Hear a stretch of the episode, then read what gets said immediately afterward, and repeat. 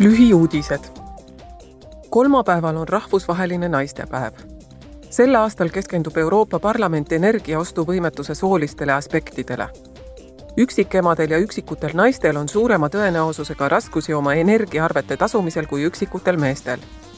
selle põhjuseks on sageli madalam keskmine sissetulek ning see, et naiste seas on rohkem levinud madalapalgaline, osalise tööajaga või ebakindel töö kahe tuhande kahekümnendal aastal oli sooline palgalõhe Euroopa Liidus kolmteist protsenti.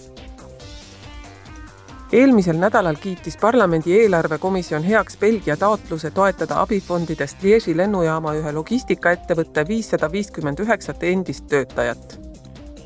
töö kaotanud inimestele kavatsetakse eraldada üks koma üheksa miljonit eurot Euroopa Liidu abi, et aidata neil leida uus töökoht, õppida uusi oskusi või alustada ettevõtlusega suuremahulise koondamise põhjus oli ettevõtte otsus viia osa oma tegevusest üle Pariisi.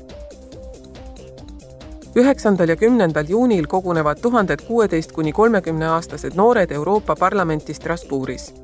seal toimuval Euroopa noorteüritusel arutatakse ja jagatakse ideid Euroopa tuleviku kujundamise üle.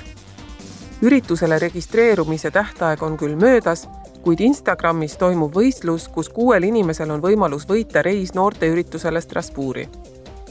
jagage infot hashtagiga EIE kaks tuhat kakskümmend kolm contest ja võitke. lisateavet saab Euroopa Parlamendi veebisaidilt